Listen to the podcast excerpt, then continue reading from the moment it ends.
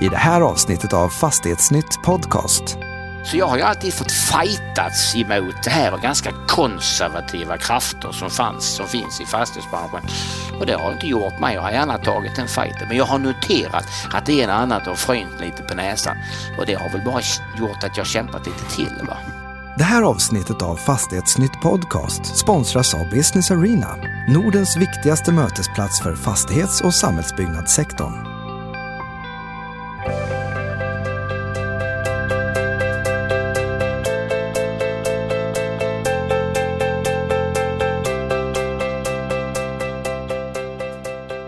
Säger vi hej och välkomna till Fastighetsnytt Podcast. Eh, Jag heter Sverre Thor och nu idag sitter jag på Pandox huvudkontor och med Anders Nissen. Hej Anders!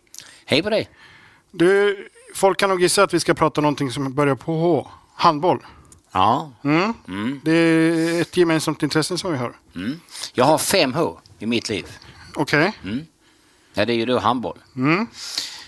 Som jag är ordförande i Svenska handbollslandslaget sedan massvis med år tillbaka. Men det Mm. andra är, sen det andra H är hotell. Hotell, precis. Det tredje H är hundar. Okej. Det Jag finns är- några på väggen bakom Vi dig. har en del corporate dogs, så där ser du fyra stycken, men den senaste är Mr Pepper. Mm. Eh, och sen är det ju då eh, eh, för att eh, också kunda resten av organisationen så har jag också hästar. Okej. Eftersom det är många som sysslar med hästar Mm. i, i Bandox så är det det fjärde H. Och det femte H det är ganska självklart vilket det är. En hustru. Det är hustru. Ja. Ja. Så att det är de fem åren. Mm. Utanför, dem, utanför den världen vågar jag inte gå. Du lever, lever, i, du lever i H. Ja. Eh, men du, handboll är ju någonting som du har gjort dig känd för i, i, även i, i fastighetsvärlden, eh, fastighetsbranschen. Fastighetsvärlden får jag inte säga, göra reklam för. Men i, i, inom, alltså, eh, sportengagemanget är, är ju stort. Du an, använder det mycket på, på era, eh, i, i Pandox varumärke. Eh, jag kommer ihåg när ni börsnoterades, då var det ett par herrar, Per Carlén och, och Staffan Olsson där.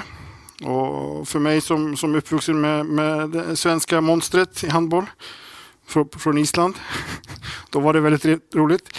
Hur, hur, liksom, hur mycket påverkar det dig i din, din liksom vardag? Det är ett livslångt intresse. Mm. Jag spelade ju fotboll och handboll när jag växte upp. Jag, var, jag är från Kristianstad, född och uppvuxen i Kristianstad. Ehm, och min pappa eh, var till skillnad från mig ganska bra i handboll. Eh, och han spelade handboll och det gjorde jag också. Jag spelade ju sedermera eh, upp eh, ett antal år efter 20-årsåldern och spelade Allsvenskan och sådär. Men blev ju aldrig riktigt lika bra som pappa. Men spelade i ganska bra lag. Ehm, och jag gillar ju idrott och det var ju så jag levde när jag var ung. Det var ju min dröm när jag var eh, femte, precis hade gått ut gymnasiet och man hade gått lumpen. Så tog jag ju ett, eh, ett sabbatsår eh, innan jag skulle börja plugga just för att jag ville satsa på min, min idrott. Eh, och och den, det var ju drömmen jag hade, det var ju att bli landslagsspelare i handboll. Jag var ju inte nära. Okej. Jag var ju inte ens, jag var inte ens så jag var påtänkt. Men eh, jag hade ju min dröm. Och den här påverkade ju mig ganska mycket i de här unga åldrarna. För dels så eh, em, keep me out from the streets. Va? Jag eh, hade ju, var ju en sådan person med mycket energi och, och mycket eh, lätt att, få, lätt att eh, vara social med folk och fick lätt kontakt med människor då. Och det gjorde att det kunde ju gått på alla håll. nu sysslade jag ju att göra det tillsammans med mina handbollskompisar och trivdes med dem. Och det som sen sker är ganska intressant för jag fick ju maximalt ut ur min idrott. Jag tvingades ju sluta, dels för att inte jag var tillräckligt bra men också för jag fick en, en allvarlig knäskada. Okej. Men då tog jag ju med mig min eh, fokusering och disciplinerade livsstil och att jag jobbade liksom med och försökte på olika sätt att, eh, liksom att bli, förbättra mig varje dag och vaknade på morgonen och tänkte hur gör jag saker lite bättre idag jämförelsevis mot igår. Hur återhämtar jag mig? Hur jobbar jag med min utveckling liksom runt omkring? Det handlade inte bara om att man, var stor, man skulle vara stark och snabb utan man skulle vara mental på plats och sådana saker. Och det tog jag ju med mig eh, in i eh, näringslivet efter jag hade eh, varit en, pluggat och var färdigt och sådär. Så eh, när jag då kom ut och sökte jobb och mm. sedermera fick rätt, rätt hyfsade jobb till min stora förvåning. för jag var ju ingen bra student för jag skulle ju träna handboll. Mm. Så plötsligt började jag få det och då eh, sa ju folk till mig att det gick ju bra för dig, så du. Jag fick lite jobb då inom hotell och jag fick liksom träna mig lite, lite sån här halv avdelningschefsjobb. Och du samlar ditt gäng och du informerar dem och du, mm. du eh, engagerar alla och du försöker och då trodde jag de drev med mig. Men handbollsledare låter det ju som. Ja, det var, ja, det var han, lagledare så att säga. Ja, för jag, jag visste inte om man, om man kunde göra på något annat sätt. För det var så jag hade lärt mig göra sedan jag var sju, åtta år. Så mm. jag fick ju detta liksom med mig naturligt. Mm. Så sen fortsatte ju det i mitt liv eh, och eh, började med träningar och träna med mina barn och fortsatte och sen då sen lite drygt tio år tillbaka så är jag ordförande i det som heter Svenska handbollslandslaget AB mm. som driver allting kring, kring våra landslag. Mm. Där Stefan Löfgren är VD och jag är ordförande. Precis, precis. Sverige har ju haft en, en fantastisk Eh, handbolls, eh, ett fantastiskt handbollslag, Bengan Boys, som, som, som jag nämnde tidigare när jag var grabb på Island så var det ju det här det, det svenska trollet var ju liksom att vi, vi, Island kunde ju slå, slå till och med Sovjet men inte Sverige. Nej. Och när, när, när det verkade som att vi höll på att slå Sverige, då vaknade Staffan Olsson. Ja, Faxe. Faxe, precis. Ja. Och det har inte med ölet, ölen att göra utan håret. Ja. Fax betyder man ja. på isländska. Eh, men du, du kommer ju över till, till hotell, vilket är ju det du gör idag framför ja. allt. Och mm. det som de flesta förknippar med av, av, våra lyssnare. Så är det säkert. Du vill ju inte kalla Pandox för ett fastighetsbolag vet jag, hotellfastighetsbolag, men ni, ni är ju också hotelloperatörer. Kan inte du berätta lite mer om, om hur du ser på Pandox? Alltså Pandox är ett fastighetsbolag som är helt specialiserat på hotell. Mm. Men hotellfastighet har ju sådana särdrag som skiljer ut den från andra fastigheter. Så att eh, eh, jag sa rätt ofta det när vi gjorde vår andra börsintroduktion att jag vill vara försiktig med att kallas för ett fastighetsbolag för jag tycker fastighetsbolagens värderingar och affärsutveckling är skiljer sig så väldigt mycket från ett hotell. Mm. Det första är ju att när jag vaknar på morgonen och vi har 35 000 rum, mm. har inte vi sålt kanske ett enda. Medan övriga fastighetsbranschen har fasta hyresavtal. Mm. Det skapar lite en annan entreprenörisk intresse. Mm. Var på tårna så att säga. Var på tårna. Mm. Eh, det andra är ju att vi värderas ju efter kassaflöden som vi skapar själva och inte efter hyresintäkter som omvärlden sätter. För det här fastigheten vi sitter i idag, intäkterna här skapas ju av standard och stad liksom och, och, och gata.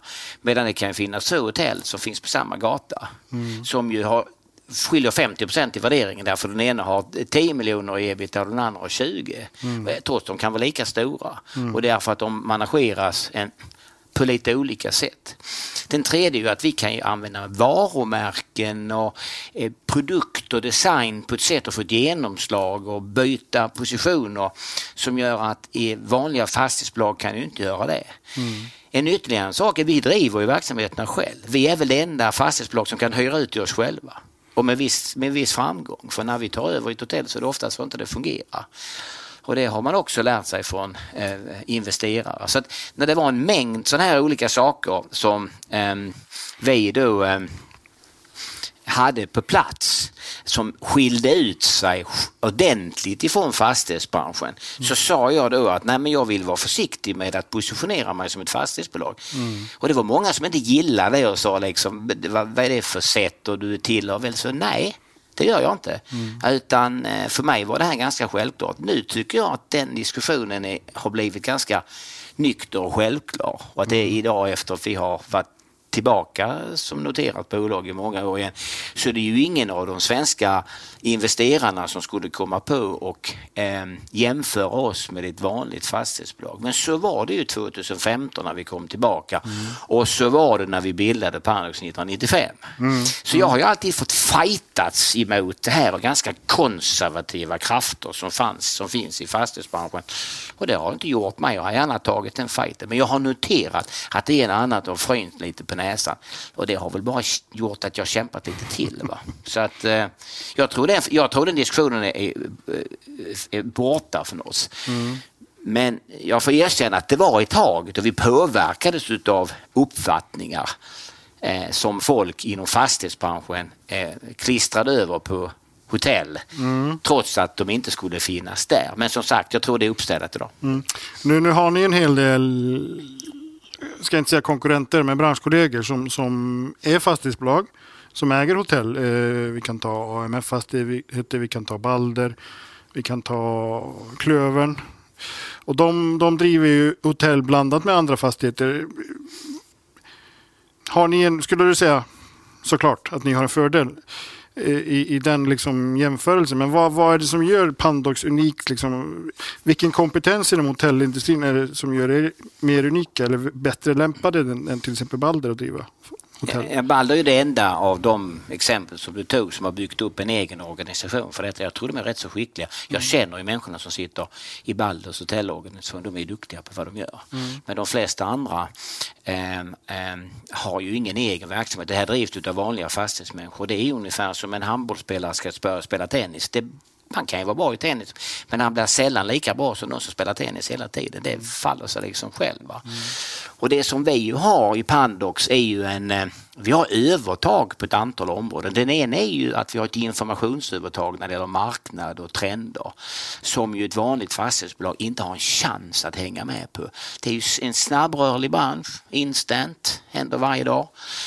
Många segment som flyttar på sig och, och, och olika typer av konjunkturcyklar mellan internationella och nationella och regionala hotell. Och sysslar du inte med det varje dag så går det liksom inte att hålla ordning på. Va? Mm, mm. Det finns säkert samma trender inom den andra fastighetsbranschen som inte vi känner till. Men vi jobbar inte med andra fastighetslag därför behöver vi inte ha dem. Mm. Det är ju en del. Den andra är ju att när man äger ett hotell så måste man kunna drifta lika bra som operatören. Annars är man i ett underläge. Mm. Mm. Och, det, och det är så. Och jag har ju under mina år innan jag bildade Pandox 1995 så var jag ju hotelloperatör och var ju hotelldirektör och var chef för ett hotellbolag. Mm. Och jag träffade på fastighetsbolag regelmässigt som jag märkte vilken oro de hade för att inte jag skulle förlänga mitt hyresavtal. Mm. För det var det enda de kunde liksom förstå. De kunde räkna och hade en, intellektuell kapacitet som kanske översteg min i, i, många nivåer. Men de kunde inte driva hotellet. Mm. Och det gjorde att de alltid var i underläge. Det är vi aldrig. Mm. Vi är aldrig i underläge mot en något annat hotellbolag vi möter. Vi kan alltid ta över verksamheten och vi kan fortsätta driva den. Och, vi, och, det, och det, är, det, det, är en annan del av så att säga, den, den saken. Så det gör att vi kan ju göra svåra saker för, som är för andra mm. kan vi göra med viss regelbundenhet och därmed har vi en lägre risk i Pandox än andra hotellfastighetsägare mm. och vi har en högre potential. Okay. Så är det ju. Det har ju också historien visat mm. att vi har vuxit mycket snabbare och vi har, och vi har haft mycket mindre risker i låga perioder. Och vad beror det på? Ja, det betyder på att det är vår fokusering som, som skapar en kompetens inom det här tillgångslaget. Mm. Ja. Det låter lite som att, om man säger så här, eh, ni kan på ett helt annat sätt då än, än säg en kontorsfastighetsägare eh, ställa krav på hyresgästen. Till exempel. Att, eftersom ni kan ersätta den, liksom, ta över verksamheten. Hur ofta gör ni det? Ja, alltså det här med att, om jag börjar med att ta på din förut, det här med att managera hyresgästen eller manage to manager som vi säger. Det är ett fullkomligt nödvändigt redskap som du måste kunna ha om du äger ett hotell som ska fyllas varje dag.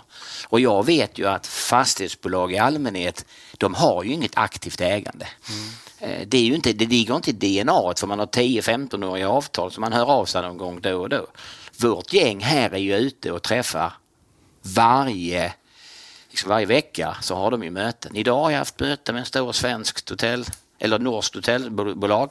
Igår hade jag möte med ett stort svenskt hotellbolag. Mm. I helgen mötte jag ett stort amerikanskt hotellbolag och veckan innan så mötte jag ett stort spanskt hotellbolag och dessemellan har jag haft några telefonkontakter.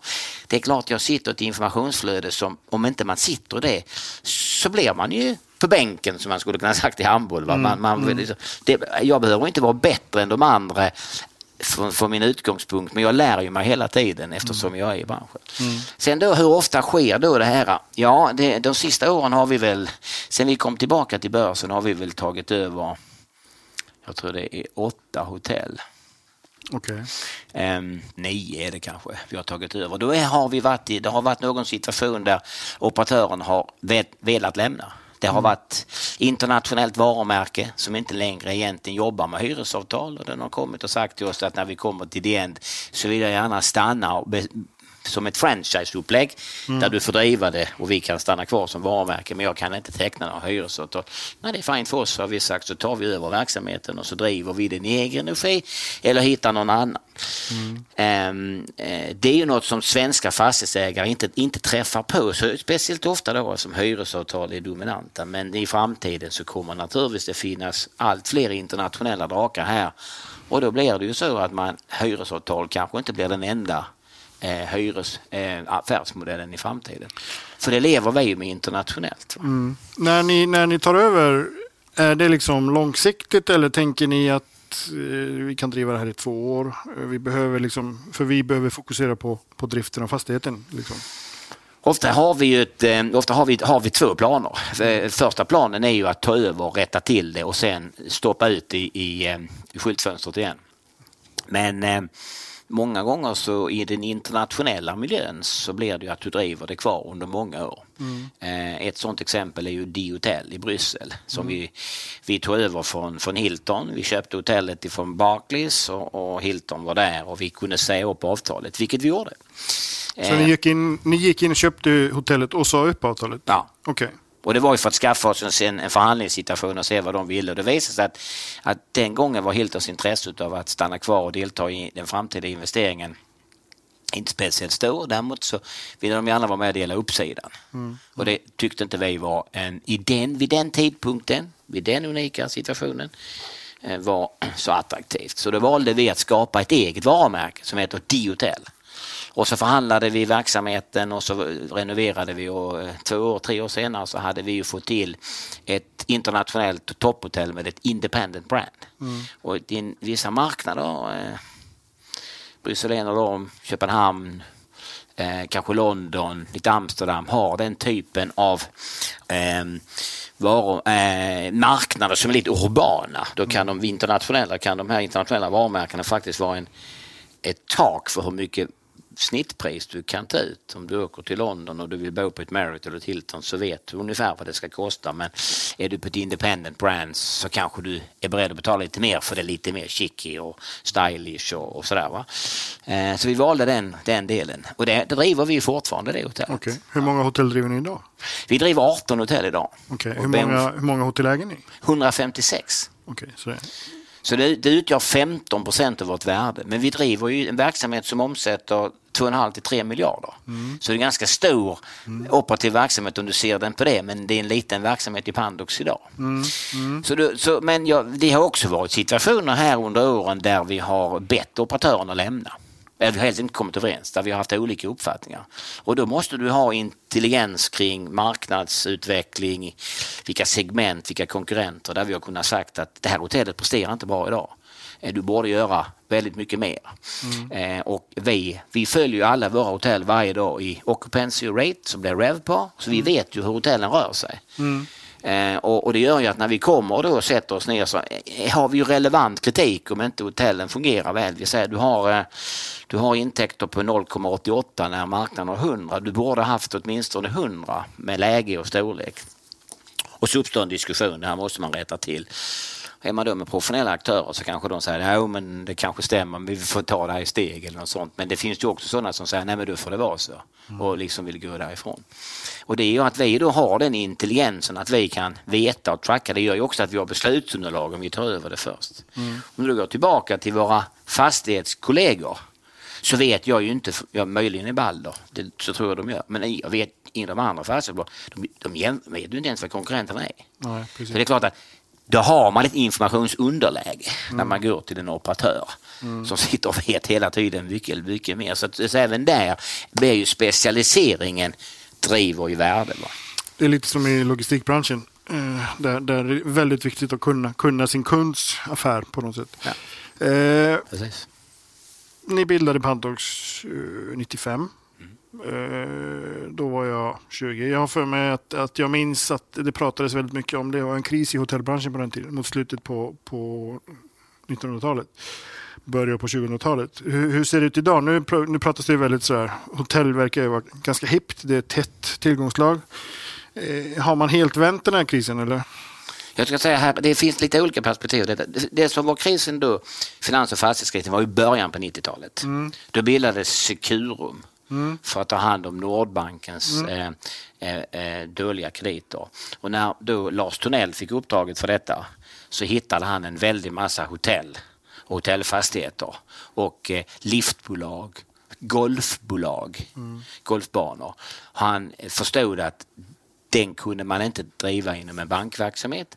Så han kontaktade mig, erbjöd mig jobbet som VD för då det som kallas för Securum Hotell och Turism. Okay. Det var så jag lärde mig Asset. Mm. Då var jag chef för Resus svenska hotellverksamhet, vilket i princip var Resus hotell med en, ett 35-tal hotell runt omkring i Skandinavien. Och, eh, flyttade mig då in i, i den här Securum. Fantastiskt spännande. Uppdraget hade ju aldrig gjorts någon gång. Mm.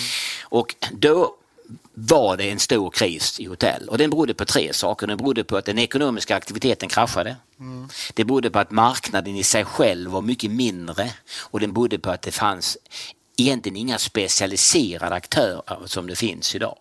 Idag är den, och då var, om marknaden då var fragmenterad så är den idag global. Mm. Idag står hospitality, där hotell ingår, för 10% av världens BNP. One job of five kommer från hotell och travel-industrin. Mm. Och ett jobb produceras var två och en halvte sekund. Mm. Så ett jobb och ett jobb och ett tredje jobb har skapats just när vi talar här på de här under 10 sekunderna. Mm. Så stor är branschen idag och då är den mycket robustare och varför den är det, det är ju därför att dels reser folk mycket mer och det middel, medelklass blir större och större och de reser mycket. Men även vi som har kanske haft det bra i många år, även vi reser mer. Men sen är ju städerna duktiga mm. på att bli destinationer och utveckla sig. Och man bygger arenor och då ska man ha kulturarrangemang och sportarrangemang och, och musiksaker som sker där. Och allting driver liksom framåt att det blir mycket utbud och folk reser och har sig. Och då delar det upp sig i tre stora eh, kategorier. Sådana som är internationella verksamheter som vi talar om, mm. London och New York. Och sen är det de som vi inte talar om men ofta som vi, bo, som vi besöker. Det är de inhemska mm. i Sverige då Karlstad, Jönköping och Lund och Helsingborg och Karlsruhe och München-Gladbach i Tyskland och Leeds i, och Sheffield i England. Mm. Den typen av verksamheter som de är lika duktiga på arrangemang men det är mer lokala som åker dit. Och den sista det är de här regionala trenderna som är Stockholm som är en mix av alltihopa. Hög ekonomisk aktivitet men också duktig på destinationsutveckling. Mm. Allt det här har liksom drivit fram en jätteindustri idag. Mm. Så att det gör att marknadsförutsättningarna är då bra. Nu vill du fråga någonting men jag har en, en del i svaret till så du får gärna fråga igen. Eh, det jag tänker är det du beskriver, vi lever, vi pratar ju om i, i, i samhället idag, digitalisering, vi blir, världen blir mer digital. Eh, det går inte att, spela skivor längre utan man, man, får liksom Allting kommer på nätet, man kan inte ge ut böcker, tidningsbranschen går på knäna. Hotellvistelsen är ju ändå analog, men, men det är just för att det här analoga upplevelseindustrin blir så mycket starkare i den digitala tiden att, att det, liksom, det låter som att det finns en bra framtid i hotellbranschen. Ja, det finns det. Dessutom tror jag mycket den här spel och spelverksamheter kommer man göra på hotell i framtiden. Alltså, du kommer i framtiden att se hotell som ser ut som Harry Potter den ena helgen och någonting annat nästa helg för att man skapar de här virtuella miljöerna. Mm. Men tillbaks till den, nu säger du så, nu är hotell väldigt, in, nu är väldigt hett. Va? Mm. Och då är det så här är vi tillbaka till eh, eh, fastighetsbranschen där de inte gillar vad jag säger. Mm. Det finns en massa gildturister mm. i fastighetsbranschen. De hoppar mellan assetslag där det känns som att gilderna mm. är mer attraktiva. Egentligen är det underliggande kunskapen och utvecklingen, den är, den är föga intressant. Det är bara att gilden ser mer attraktiv ut. Mm. Så när, så när när bostäder och kontor blir för dyra, då flyttar man sig till bland annat till hotell. Och då räcker man upp handen och säger hotell är jätteintressant. Det är inte säkert. Men gilden är inte attraktiv. Och det gör att just nu så tycker man att den är intressant.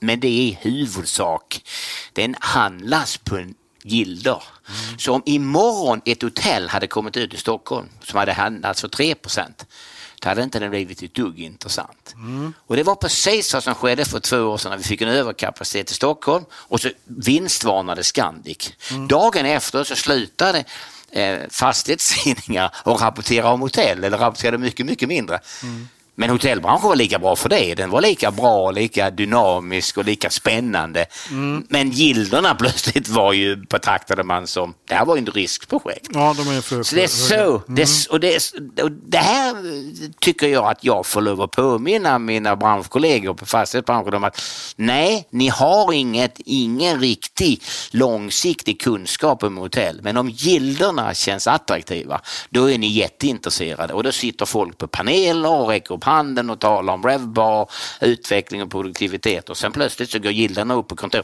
ja då är man där. Mm. Mm. Det är egentligen det som jag försöker säga, det är att hotell egentligen är inte intressant för en vanlig fastighetskille. För nissen är det det. Mm. Jag gillar hotell. men, men det finns ju eh, Midstar till exempel, är ju ett hotellfastighetsbolag. Ja. Vilka ser du som era stora konkurrenter? Liksom? Ja, eh, alltså, våra stora konkurrenter är ju internationella jättar. Där är ju hotellfastighetsmarknaden en stor marknad.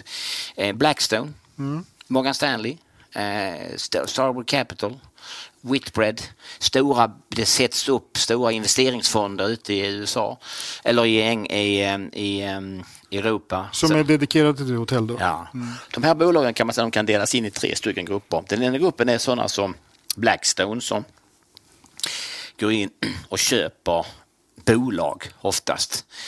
Ehm, de köpte här nu ett, ett ehm, spanskt bolag för ett tag som heter. Xperia. Mm. Mm. Och då går de in och så jobbar de strukturellt och försöker hitta fler bolag och slå tillsammans. Så man jobbar med en, försöker skapa en större grupp och man kanske marknadsför, etablera varumärke och sen så efter sju år har man bestämt sig om man ska sälja så gör man det. Mm. Då ska pengarna tillbaka till investerarna. Eller också är det sådana som är ungefär som ser ut som oss men som har en, en något mer finansiell profil. Att de tycker hotell är spännande, de förstår hotell och de jobbar med den. Bröderna Livingstone, alltså Eh, London Regional och sådana bolag som ibland kommer in och gör hotell. De där är ju duktiga, de vet ju vad de sysslar med. De driver inte i regel hotell utan de ska ha hyresavtal, annars får det vara så. Mm. Och så är det en grupp bolag som, där Pandox är ett av dem, som då jobbar i hela värdekedjan. Mm.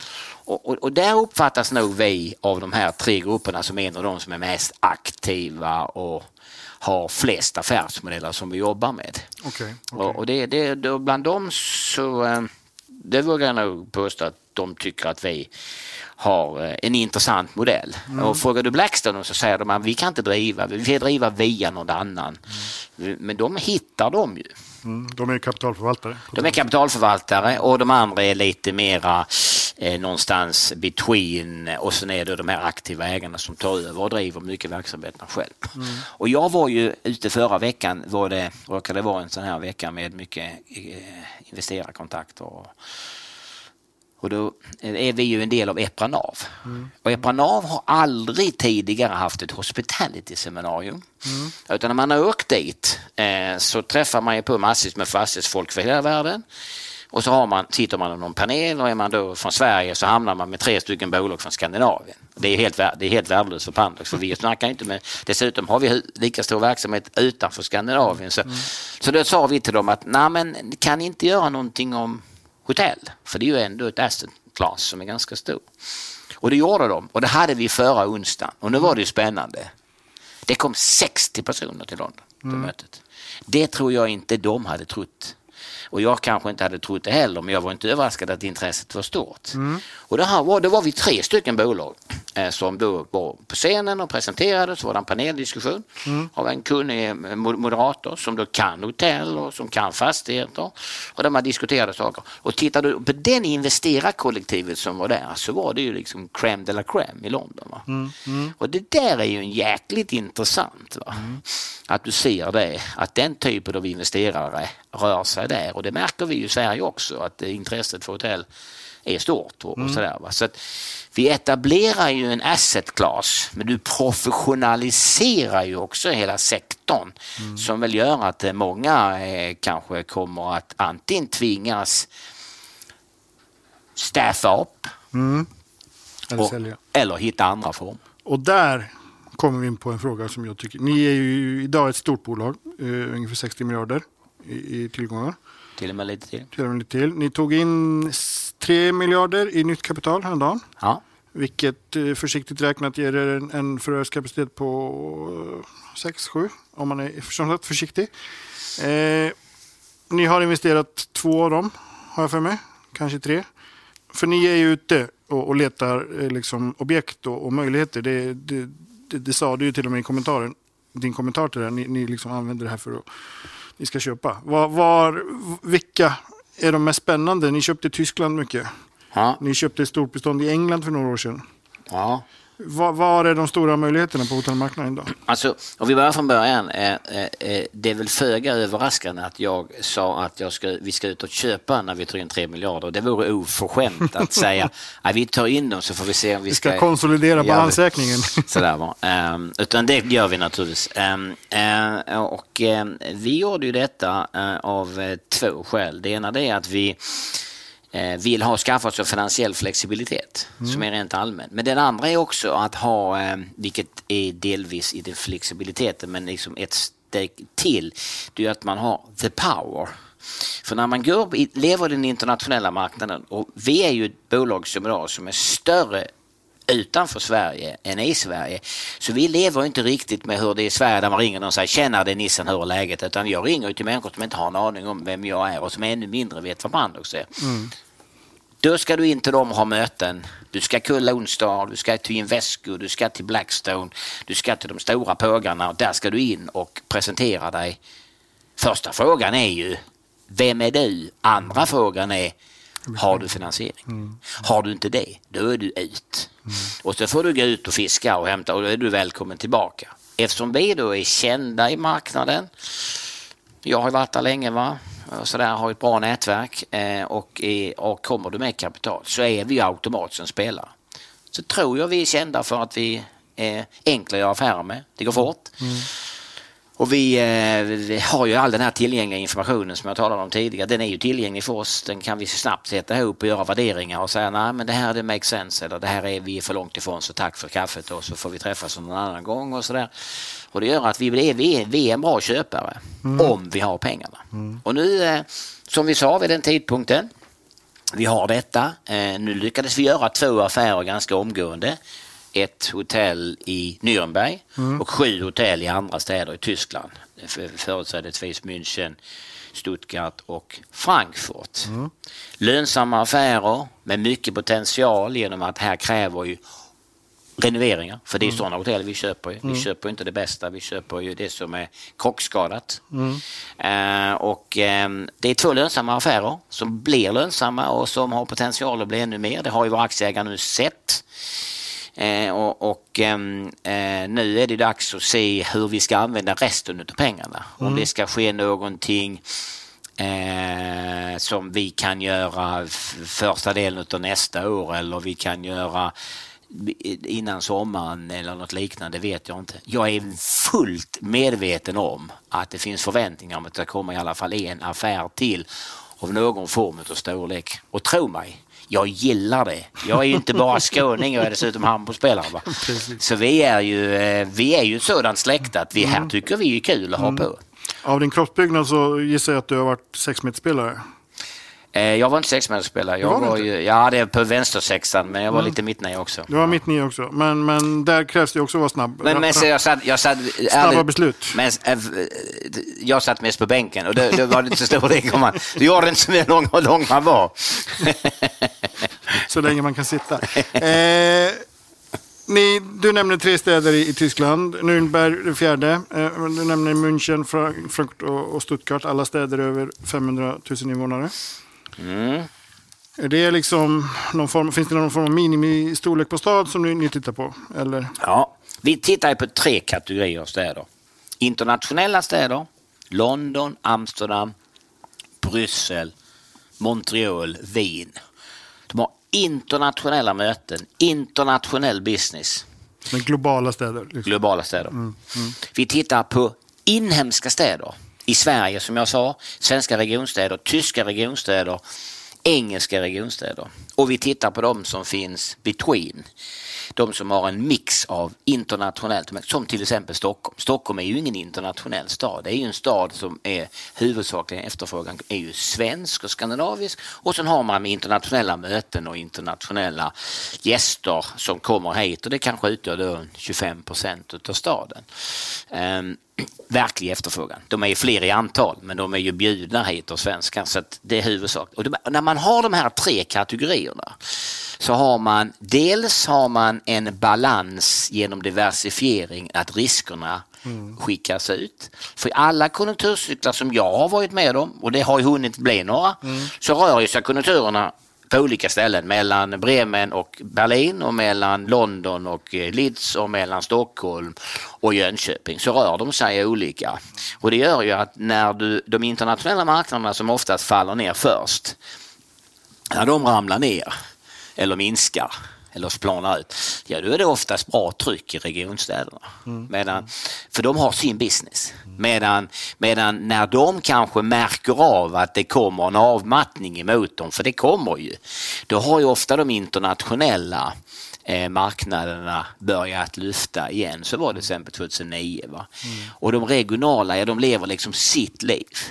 Och det är väldigt viktigt att man förstår hur de här kategorierna fungerar. Går du då till exempel till en stad som Stockholm idag så har ju inte Stockholm speciellt mycket kontakt med Sverige när du kommer till hotellmarknaden. Mm. Utan de marknaderna det är ju Amsterdam, det är Bryssel, det är Wien, det är kanske inte Berlin men i kanske Frankfurt, alltså affärsstäder. Mm, mm. Ehm, och det som sker där, det, det, den typen av hotell vill vi vill äga i den typen av städer.